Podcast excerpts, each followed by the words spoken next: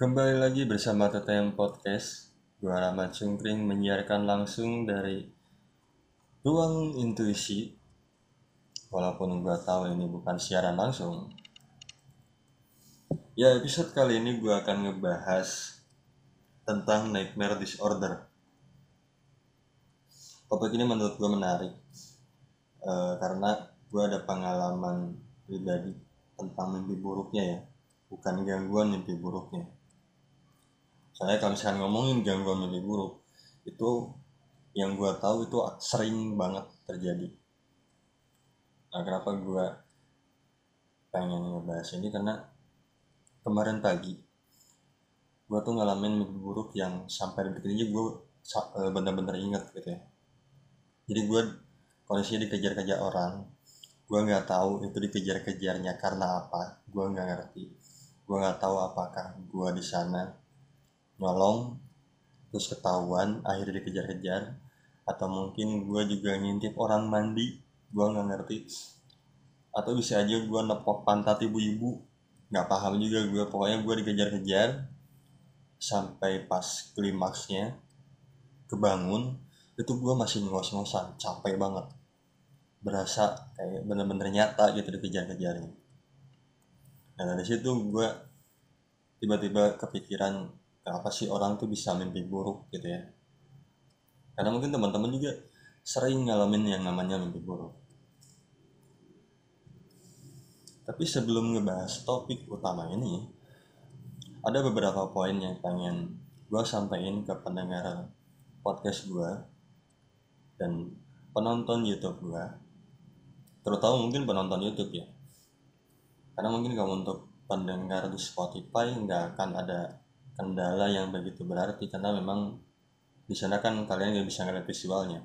Tapi dari kemarin-kemarin tuh banyak yang ngeluh yang di YouTube karena dari episode awal sampai yang sebelum gue ada visual di sana memang gue pakai animasi. Kendalanya satu kenapa gue di sana pakai animasi? Gue nggak ada kamera cuy. Jadi ke depannya pun kalau gue masih pakai animasi harap dimaklum gitu ya.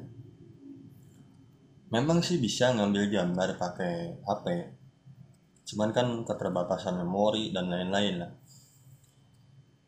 Atau mungkin yang di YouTube tuh bisa aja sama sekali nggak ada episode baru. Ketika di Spotify ada episode yang baru dan di YouTube nggak ada yang baru itu satu alasannya gue males ngedit animasi. Itu doang karena udah gue udah mulai ngerasa enak banget ngedit dari video. Udah enak banget. Tapi kalau pakai animasi ngerendernya lama cuy. Itu ngerender durasi sejam. Itu ngerendernya itu bisa 8 sampai 10 jam. Dan laptop gue nggak bisa diapa-apain selama ngerender. Jadi lumayan bikin apa ya bikin agak kesel gitu masalah ngerender ini. Mungkin berat di animasinya atau memang laptop guanya yang belum terlalu bagus gue juga ngerti ya. Nah yang kedua yang pengen gue sampaikan ini adalah sejauh ini TTM Podcast punya tiga segmen. Gue menyebutnya segmen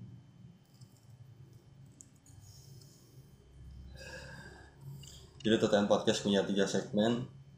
Yang pertama ada monolog seperti yang sedang kalian dengarkan. Kali ini gue ngobrol sendiri ngobrolin satu topik. Termasuk mungkin tiga episode pertama. Itu benar-benar pure monolog. Gue menceritakan pengalaman gue seperti apa dari sudut pandang yang berbeda. Nah yang keduanya gue akan ngobrol bareng narasumber. Sejauh ini narasumber yang sering gue ajak ngobrol adalah Ilham. Yang akhirnya saat ini dia menjadi salah satu host di TTM Podcast. Karena dia mungkin akan sering ada di TTM Podcast gitu ya. Yang ketiga ada intuisi Nah intuisi ini sebenarnya mungkin kalian akan akan sangat umum gitu kalau misalnya kalian ngedengerin.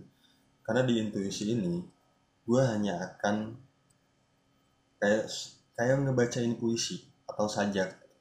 Jadi itu durasinya nggak akan nggak akan lebih dari 2 sampai 3 menit kayaknya. Bahkan sejauh ini episode yang udah ada aja rata-rata satu menit sampai 2 menit. Kayaknya belum ada deh yang lebih dari 2 menit. Tapi untuk episode selanjutnya di segmen intuisi ini gue akan kolaborasi dengan temen gue dia uh, dia juga seorang youtuber cuman memang dia lebih ke passion lebih ke beauty gitu ya. Karena dia cewek. Nggak mungkin kalau cowok mainannya kayak gitu. Nah gue juga akan kolaborasi dengan podcaster cewek juga jadi mudah-mudahan episode selanjutnya uh, yang kalian dengarkan bukan hanya suara gue tapi kalian bisa mendengarkan suara mereka juga Nah, untuk bagian itu, itu bisa aja memang gue yang full menulis, tapi mereka yang baca.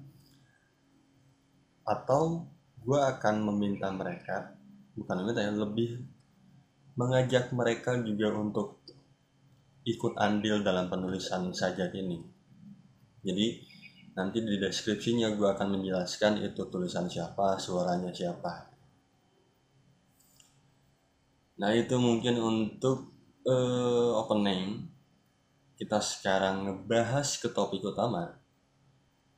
Jadi sebelum gua uh, record podcast ini gue udah nanya-nanya. Nanya-nanya di grup lain tentang topik ini jadi memang ini adalah topik yang uh, menurut gue mereka sangat antusias ngebahas ini gitu jadi gue nanya kalian pernah gak sih mimpi buruk mimpi yang paling aneh gitu? Terus apa gitu mimpinya apa? Mereka ada yang bilang e, mimpi jatuh dari gedung. Terus ada juga yang mimpi e, orang tuanya meninggal. Nah biasanya bukan biasanya yang gue tahu gue pernah dengar kalau misalkan kita atau misalkan siapa pun itu meninggal dalam mimpi berarti dia panjang umur katanya. Terus ada lagi apa ya? Uh, jatuh katanya paling sering. Itu jatuh paling sering. Kalau jatuh sih gue juga beberapa kali iya sih. Kayak ngerasa jatuh terus biasanya kadang-kadang langsung kebangun. Cukup sering tuh kayak gitu. Terus ada lagi yang mimpinya dikejar ular. Nah kalau misalkan tentang binatang gue nggak tahu kapan kayaknya masih baru juga. Gue tuh mimpi kayak kayak dikerumunin kayak jel, kala jengking lah nggak tahu apa itu serangga yang bikin gue uh, bukannya bukannya takut ya lebih ke geli aja. Terus gue pas kebangun itu masih kayak kayak ngeberesin kasur gitu ngebas ngebasin kayak ngebas ngebasin kasur aja gitu. Kayak berusaha ngejauhin sesuatu dari badan gue yang ada di kasur. Kebangun tuh gue panik gue terus gue juga pernah mimpi ngeludahin orang pas kebangun gue kebangunnya dalam keadaan gue lagi ngeludahin tangan gue sendiri ya itu agak-agak ini sih agak jorok mimpinya nah di lain ini ada juga yang yang bilang saat orang eh, mimpi orang tuanya meninggal tuh dia sampai responnya sampai nangis gitu. Jadi dia kebangun dia panik dia langsung nangis. Iyalah orang tua meninggal siapa yang nggak nggak mewek anjir. Gila aja kalau misalkan lu nggak mewek. Terus ada lagi mimpi ketemu mantan. Widih. Mimpi ketemu mantan katanya. Ada yang jawab mimpi mimpi ketemu setan kayak mantan. Jawabannya lucu-lucu ya ya itu mungkin sekilas dari jawaban mereka. Oh ada jawaban yang menarik tadi gue baca. Bentar. Mana ya? Oh ini. Kata dia tuh mimpi itu relatif. E, bisa menggambarkan kondu, kondu, kondisi yang dialami sekarang bisa berupa bunga tidur. Karena memang yang gue tahu gue pernah nonton YouTube gue lupa judulnya apa. Dia bilang tuh mimpi buruk apa terutama mimpi buruk itu memang datangnya dari alam bawah sadar. Semua mimpi datangnya dari alam bawah sadar. Nah kalau mimpi buruk itu datangnya dari ketakutan rasa cemas. Sorry. Kalau misalkan kalau misalkan mimpi indah itu dasarnya datangnya dari sebuah harapan. Makanya ketika kalian mungkin mimpi kayak nikah segala macam, mungkin memang kalian udah udah berpikir ke arah sana. Sebuah harapan gitu ya.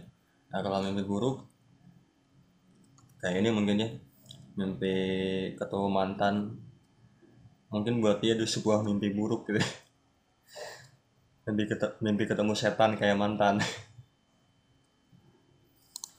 Nah sebenarnya apa sih uh, si gangguan mimpi buruk ini gitu? Penyebabnya datangnya dari mana? Nah jadi memang seperti yang tadi gue bilang, kalau misalkan kalian stres, ngerasa cemas, uh, ada rasa takut, ada ada rasa trauma, otak kalian akan mengirim sinyal ke alam bawah sadar untuk menyimpan informasi tersebut. Jadi ketika tidur, itulah yang yang akan terjadi di mimpi kalian. Ketakutan-ketakutan itulah yang akan terjadi di mimpi kalian. Dan memang yang yang gua nonton di YouTube tadi itu dia menceritakan hal yang sama. Dia ngomong hal yang sama jadi eh, alam bawah sadar itu mungkin akan akan kayak penuh gitu ya. Ketika kita menyimpan rasa marah eh, rasa kesal dan lain-lain alam bawah sadar lama kelamaan akan penuh. Dan akhirnya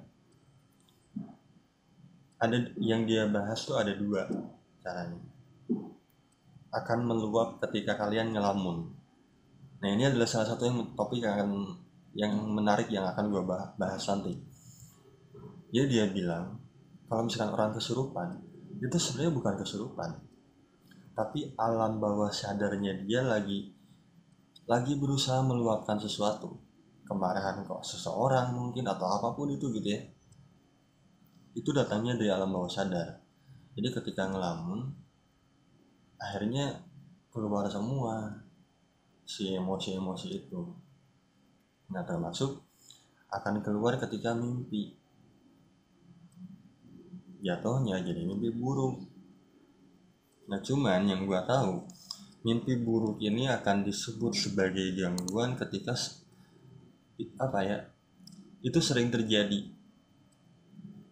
Kalau misalkan sesekali doang mah itu mah normal gitu.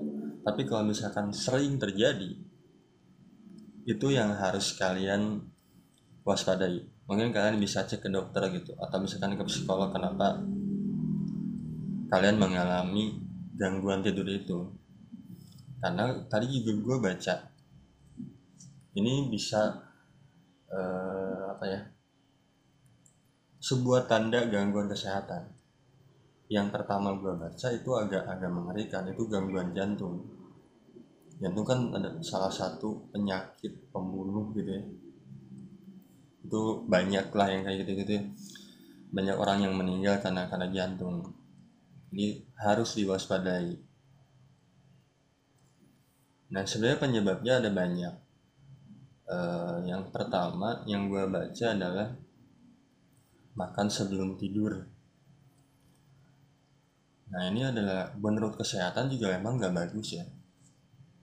Yang paling kelihatan kalau misalkan kalian sering makan malam sebelum tidur bener-bener kasih kayak sejam atau setengah jam sebelum tidur itu memang gak baik banget buat kesehatan. Biasanya yang akan kelihatan terutama mungkin cowok ya perutnya buncit. Itu adalah salah satu penyebabnya. Jadi buat uh, teman-teman yang perutnya buncit termasuk gua juga gua harus mengurangi makan malam.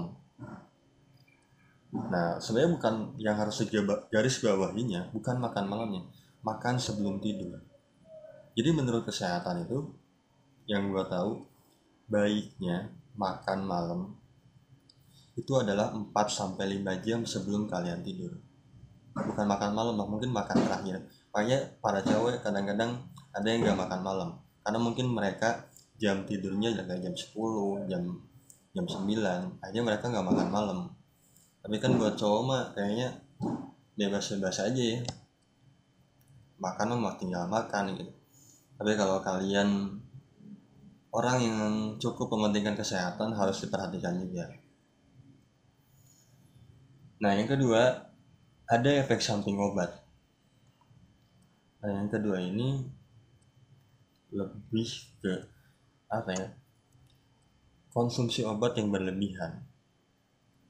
Bukan obat-obatan terlarang ya. Yang gue uh, alami gue pernah ngalamin dalam kondisi ini gue saya tuh dalam kondisi memang lagi banyak pikiran dan sangat cemas akan sesuatu gitu. nah akhirnya gue kesulitan tidur. Gue memilih saat itu untuk uh, makan obat tidur. Karena bener-bener nggak bisa tidur sama sekali waktu itu. Ngantuk sih ngantuk. Cuman gak tau kenapa gue nggak bisa tidur. Akhirnya gue memutuskan untuk mengkonsumsi obat tidur untuk waktu yang lumayan lama. Berbulan-bulan. Nah memang yang gue rasain di situ agak sering tuh mimpi buruk. Gue agak inget tuh di situ. Mimpi buruk gue agak sering terjadi. Nah ini mungkin salah satu penyebabnya gitu ya. Terus yang ketiga, kurang tidur atau kurang istirahat.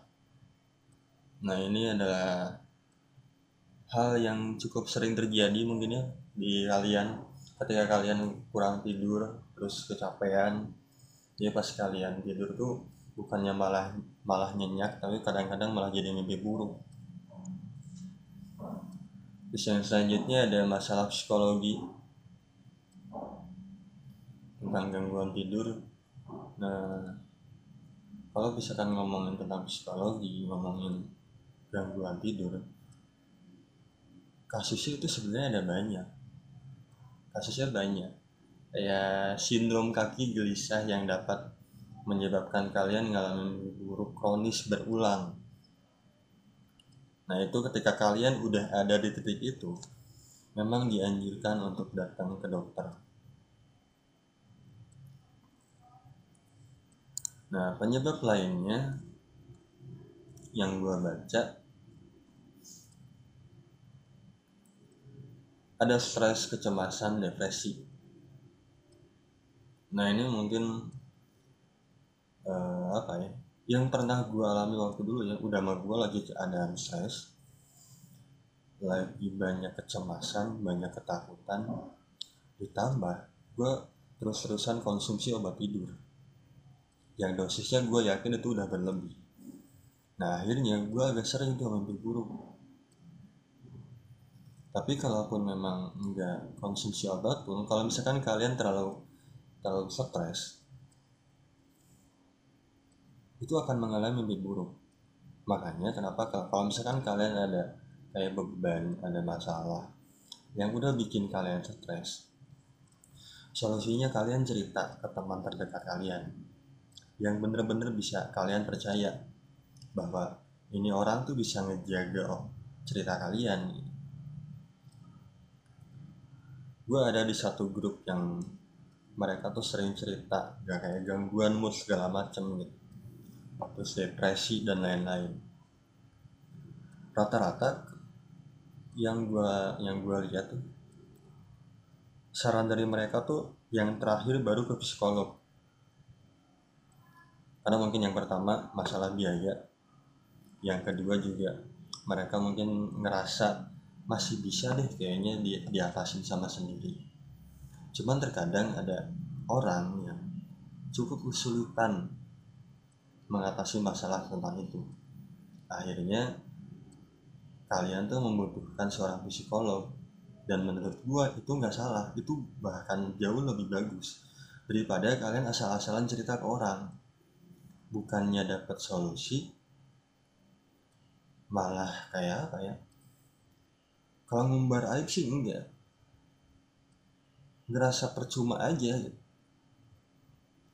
Walaupun memang gue tahu ada beberapa orang yang hanya sekedar pengen cerita.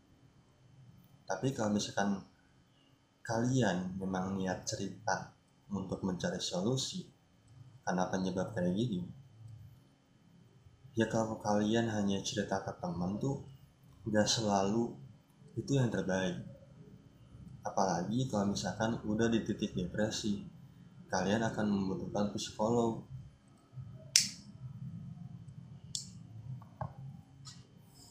Nah kalau misalkan ngomongin tentang depresi gue nggak bisa jelasin banyak.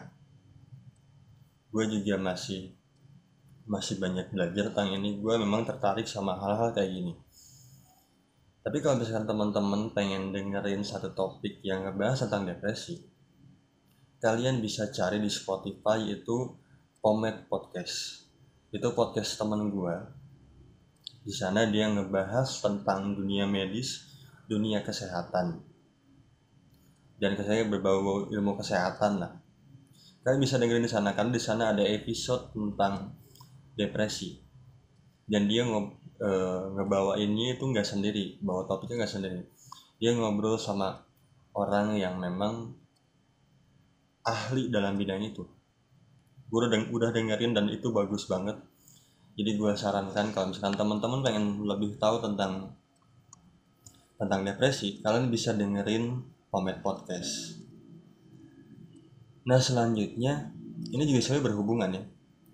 Post traumatic stress disorder. Nah, ini kata-kata disorder gue udah ngebawain di topik sebelumnya juga tentang sisi lain posesif yang selanjutnya lagi ada kondisi medis. Yaitu mungkin yang tadi yang gue sebutin kayak masalah gangguan jantung. Nah itu memang solusinya udah mau nggak mau kalian harus ke dokter. Yang selanjutnya lagi ada obat-obatan. Termasuk mungkin obat-obatan terlarang ya. Nah, kalau obat-obatan terlarang gue memang pernah ada di titik itu cuman gue nggak begitu inget apakah saat itu gue mimpi buruk atau enggak. Gue nggak begitu inget nah selanjutnya ada fakta unik tentang mimpi buruk. Yang pertama mimpi buruk itu bisa kalian kendaliin wah. Gimana caranya? Gue gue juga baru baca ini. Sebuah penelitian dilakukan para ilmuwan Universitas Yale mengatakan bahwa seorang seseorang sebenarnya bisa mengendalikan mimpi yang sedang dialami. Hanya saja kebanyakan orang yang sadar dirinya bermimpi biasanya akan langsung terbangun dan memutuskan untuk mengon, e, mengontrol e, apa? Dan memutuskan kontrol tersebut oh iya gue inget kayaknya gue pernah deh. Gue pernah ngalamin ini. Jadi gue ada dalam satu kondisi gue mimpi terus gue berusaha mengontrol mimpi itu. Gue pernah ini. Yang selanjutnya adalah mimpi buruk adalah latihan untuk hal-hal di dunia nyata. Nah ini gue ngerti lagi nih. Meskipun ada banyak teori tentang mengapa seseorang bisa mimpi buruk. Sebenarnya itu adalah gagasan bahwa otak sedang mencoba memecahkan masalah yang terjadi dalam kehidupan nyata seseorang. Oh menarik menarik. Yang selain yang se aduh gue lagi gak enak ini nih masuk angin kayaknya yang selanjutnya lagi saat mimpi buruk seorang tidak mampu berteriak oh iya kalau ini ya jadi mungkin sekalian akan sering kejadiannya teriak itu pas udah bangun. Pas lagi masih bermimpi mah kalian mau mau teriak juga kayaknya. Mungkin ada tapi jarang. Jarang. Mungkin ada tapi jarang banget. Yang sering terjadinya pas kalian teriak itu pas udah mulai kebangun. Ini mah gue juga pernah kayaknya memang semua orang tuh pernah ngalamin mimpi yang yang disebutin di sini ya. Yang selanjutnya ada mimpi buruk tidak memiliki arti secara harfiah. Nah kadang kan banyak orang yang nanya ini mimpi mimpi kayak gini artinya apa ya? Kayak tadi yang gua gua sebutin ada mimpi bahwa dia itu orang tuanya meninggal. Nah banyak yang bilang kalau misalkan mimpi tentang meninggal itu berarti panjang umur. Nah sebenarnya itu bisa dipercaya kalau memang kalian mau percaya gitu. cuman kalau misalkan ngelihat dari sini mimpi kalau apalagi mimpi buruk itu sebenarnya nggak ada artinya nggak ada arti secara harfiah. Cuman gue udah cari tahu beberapa arti mimpi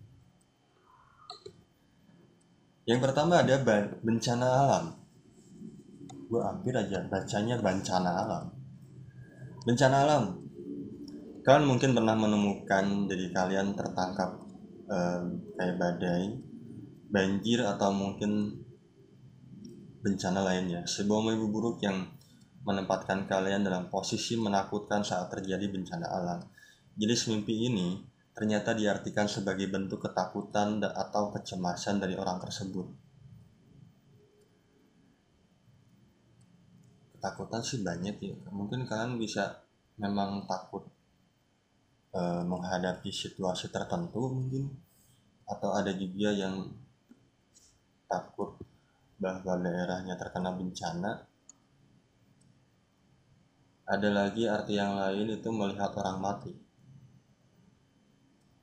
nah satu lagi jenis mimpi yang pasti membuat ngeri yaitu adalah orang mati melihat orang mati.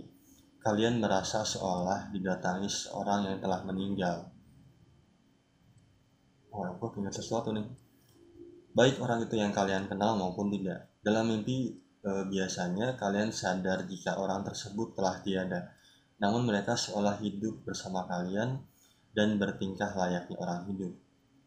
Jadi mimpi ini dikaitkan dengan ketidakmampuan seseorang untuk melupakan yang di ah fuck Jenis mimpi ini dikaitkan dengan ketidakmampuan seseorang untuk melupakan orang yang dikasihi. Ya, betul, betul banget. Ini, ini bener banget. Gue ngalamin ini. Jadi gue uh, ada temen. Ini sebenarnya memang, memang jatuhnya teman. Dia sahabat gue. Terus dia memang sakit waktu itu. Sakitnya eh, kanker otak dia tuh memang sakit sakit ini punya penyakit ini udah lama saat itu jadi kita aja tahunya ketika dia udah stadium 4 akhir selama ini dia tuh nutupin dari teman-temannya termasuk dari gue nah saat kejadian saat kejadian itu kebetulan dia lagi kondisi hamil. Jadi dia meninggal dalam kondisi hamil dengan penyakit kanker otak. Nah setelah kejadian itu, gue memang beberapa kali mimpiin dia ada ketemu gitu sama gue. Ya memang gue agak lama untuk apa ya mengikhlaskan dia gitu. Karena gue nggak eh nggak nggak rela aja gitu. Nggak nggak apa ya nggak bisa nerima. Gue ngerasa saat itu gue nggak bisa melakukan apa pun untuk dia. Padahal gue adalah temen dekatnya dia tempat dia cerita. Tapi dia tidak menceritakan tentang itu ke gue nah selanjutnya nah selanjutnya ada mimpi terlambat ini bukan terlambat datang bulan deh kayaknya ya. Jenis mimpi buruk ini sering dikaitkan dengan kecemasan, dengan sebuah kegagalan atau ketidakmampuan untuk melakukan sesuatu sesuai harapan. Orang-orang mengalami mimpi buruk ini mungkin tidak menyadari jika mereka terlalu terobsesi dan mengalami tekanan pada hal tersebut. Nah, ini masalah obsesi juga. Banyak ya, banyak orang yang terlalu ambisius, terlalu punya obsesi terhadap sesuatu. Sampai menimbulkan rasa kecemasan ya akhirnya balik lagi jadi mimpi buruk buat dia. Selanjutnya ada mimpi tanpa busana. Wah ini mah bikin mimpi basah. Eh jika kalian pernah mengalami mimpi buruk ini mungkin kalian harus introspeksi dengan penampilan dan tingkah laku kalian. Disebutkan jika gambaran mimpi tanpa busana ternyata menjadi cerminan emosi individu karena kurang percaya diri dengan image-nya. Gue pikir arahnya ke mimpi basah yang selanjutnya mimpi tentang gigi. Ini agak sering nih mimpi tentang gigi. Mimpi kehilangan gigi pasti menjadi aduh kata-katanya eh. ini agak ambigu cuman jangan mikir ke mana-mana. Mimpi kehilangan gigi pasti menjadi momok bagi ya barusan videonya mati. Nah ini adalah salah satu yang paling gue males kalau misalkan record pakai HP itu kayak gini nih. Jadi kadang-kadang gue lagi antang ngobrol nggak sadar kameranya mati karena memorinya penuh. Ya kita lanjut lagi. Tadi baru nyampe tentang arti mimpi ini tentang gigi. Nah mimpi kehilangan gigi pasti menjadi momok bagi kalian yang pernah memimpikannya. Dalam beberapa adat, mimpi buruk kehilangan gigi salah satu diartikan sebagai firasat buruk akan kehilangan salah satu anggota keluarga. Nah, ketika kalian mimpi seperti ini, mungkin kalian ada rasa kecemasan, ada rasa takut terhadap salah satu keluarga kalian gitu ya. Atau misalkan ada firasat gitu Nah yang selanjutnya lagi mimpi terjatuh. Nah ini kayaknya agak sering ya terjadi kalau mimpi terjatuh. Mimpi buruk terjatuh sering merupakan rep rep rep representasi belibet ngomong re re rep rep ah itu aja lah pokoknya kalian ngerti kan dari kecemasan dalam kehidupan pribadi kalian hal ini disebabkan ketidakmampuan mengendalikan diri Kecemasan ini diseringkali Kecemasan ini sering kali masalah keuangan, hubungan sosial, ataupun percintaan bisa juga karena masalah karir. Jadi kalau misalkan kalian ngalamin mimpi ini, dan kebetulan kalian percaya dengan arti mimpi yang gue sebutkan, berarti kalian lagi merasa cemas karena uh, apa? Merasa cemas tentang masalah keuangan kalian, atau masalah karir kalian atau mungkin kalau kalian sering galau ya berarti kalian cemas terhadap masalah percintaan kalian. Nah selanjutnya mimpi dikejar-kejar. Nah ini buat gue mungkin ya. Bisa jadi karena e, terlalu tertekan. Tertekan oleh bos tertekan oleh e, guru yang jahat atau orang tua yang kasar bahkan hubungan asmara yang tidak sehat. Nah, mimpi ini adalah mimpi buruk yang paling umum, yaitu mimpi serasa dikejar-kejar gitu. Kalian akan merasa terus berlari dari sesuatu karena merasa terancam. Kalian seolah dikejar hewan, makhluk aneh ataupun orang jahat. Tapi semakin berlari, semakin lambat rasanya nah ini kayak yang tadi diceritain di grup lain dia cerita kalau dia mimpi dikejar-kejar cuman pas lari tuh malah makin ngerasa kayak lambat larinya. Nah itu adalah beberapa arti mimpi uh, yang kalau misalkan kalian mau percaya silakan. Kalaupun enggak juga gak apa-apa. Tapi berdasarkan yang gue baca Poin keempat tadi adalah mimpi buruk tidak memiliki arti secara harfiah. Nah berlanjut lagi, tentang fakta ini. Seseorang bisa bermimpi dalam mimpi. Nah ini yang menarik nih. Gue nggak ngerti nih kayak gini nih. Kayaknya kayaknya gak, gak pernah gue inget kayak gini yang selanjutnya lagi ada mimpi buruk menyebabkan halus, halusinasi berlebihan. Nah, itu adalah beberapa fakta menarik tentang mimpi buruk yang mungkin kalian gak tahu dan ada beberapa hal yang memang gue juga gak tahu. Nah, kalian pernah nanya gak sih kenapa mimpi itu kali bener-bener nggak bisa diingat semuanya sama kalian. Karena berdasarkan penelitian terus gue juga kemarin baca gara-gara apa gitu ya pas malam tuh baca itu kalau misalkan kalian bisa mengingat semua mimpi itu akan menjadi hal yang menakutkan buat kalian. Akan menjadi kalian tuh sangat terganggu karena kalian gak bisa ngebedain mana dunia nyata mana dunia mimpi. Sekarang lu kebayang gak kalau misalkan lu mimpi nikah deh kayaknya. Terus lu tuh bener-bener ingat momennya semuanya sampai detik ini.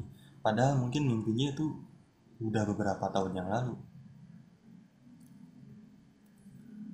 Nah itu mungkin gue menyebutnya apa ya sebuah karunia dari Tuhan gitu. Tuhan menciptakan mimpi bikin kita bermimpi bikin kita uh, apa punya bunga tidur tapi kita nggak bisa mengingat semua karena mungkin Tuhan tahu itu akan sangat mengganggu kehidupan nyata kalian ketika kalian benar-benar ingat semua mimpi kalian Nah, untuk terakhir, gimana sih caranya ngatasin mimpi buruk?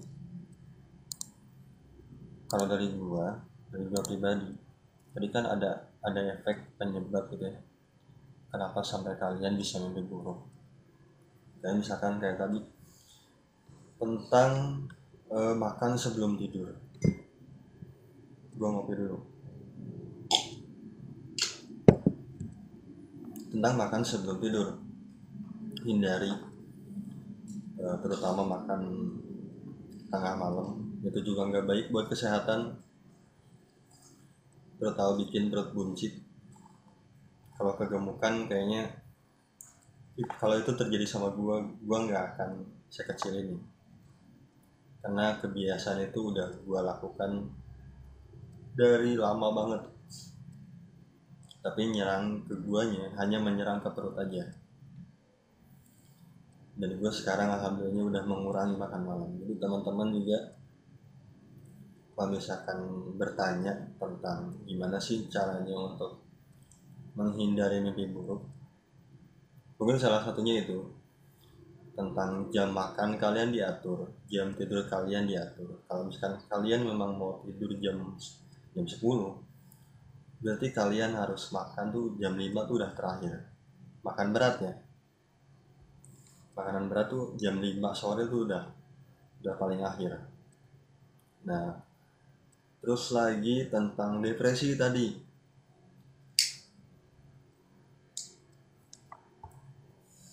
Sekilas dari gue kalau misalkan masalah depresi masalah kecemasan masalah ketakutan atau apa pun ketika kalian lagi ada merasa masalah sampai kalian kepikiran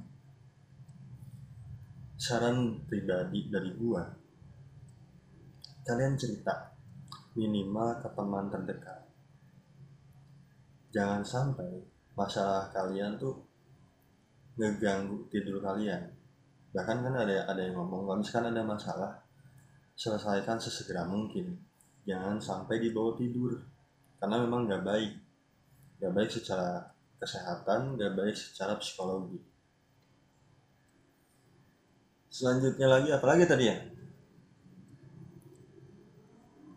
Kurang jam tidur efek samping obat. Nah, ini kalian seharusnya udah tahu lah ya. Apa yang harus kalian lakukan kalau misalkan nggak mau mimpi buruk. Terutama tadi sih yang paling menarik buat gue itu tentang masalah kecemasan kalian terhadap sesuatu masalah ketakutan kalian terutama ketika kalian punya masalah dalam kehidupan masalah apa pun itu yang bikin kalian ngerasa kalian tuh punya beban sangat besar lepasin bebannya dengan cara cerita. Kalau misalkan cerita psikologi gimana? Jauh lebih bagus sangat disarankan. Nah ini adalah episode monolog kayaknya paling lama sejauh ini ya. Gua nggak tahu ini totalnya udah berapa menit karena tadi sempat kepotong. Kayaknya ini kayaknya ini akan menjadi pembelajaran buat gua. Kalau misalkan nggak ada kamera gua nggak akan terlalu memaksakan mengambil gambar pakai HP karena yang paling menyebalkan adalah ketika videonya mati. Ribetnya ketika proses edit harus menyama harus menyamain gambar dengan suara tuh lumayan cuy. Lumayan membosankan gitu ya. Apaan berisik Nah, sebelum banyak gangguan lain-lain lagi, ditambah memang pembahasannya sudah selesai, jadi gue cukupkan sekian. Episode kali ini tentang nightmare disorder.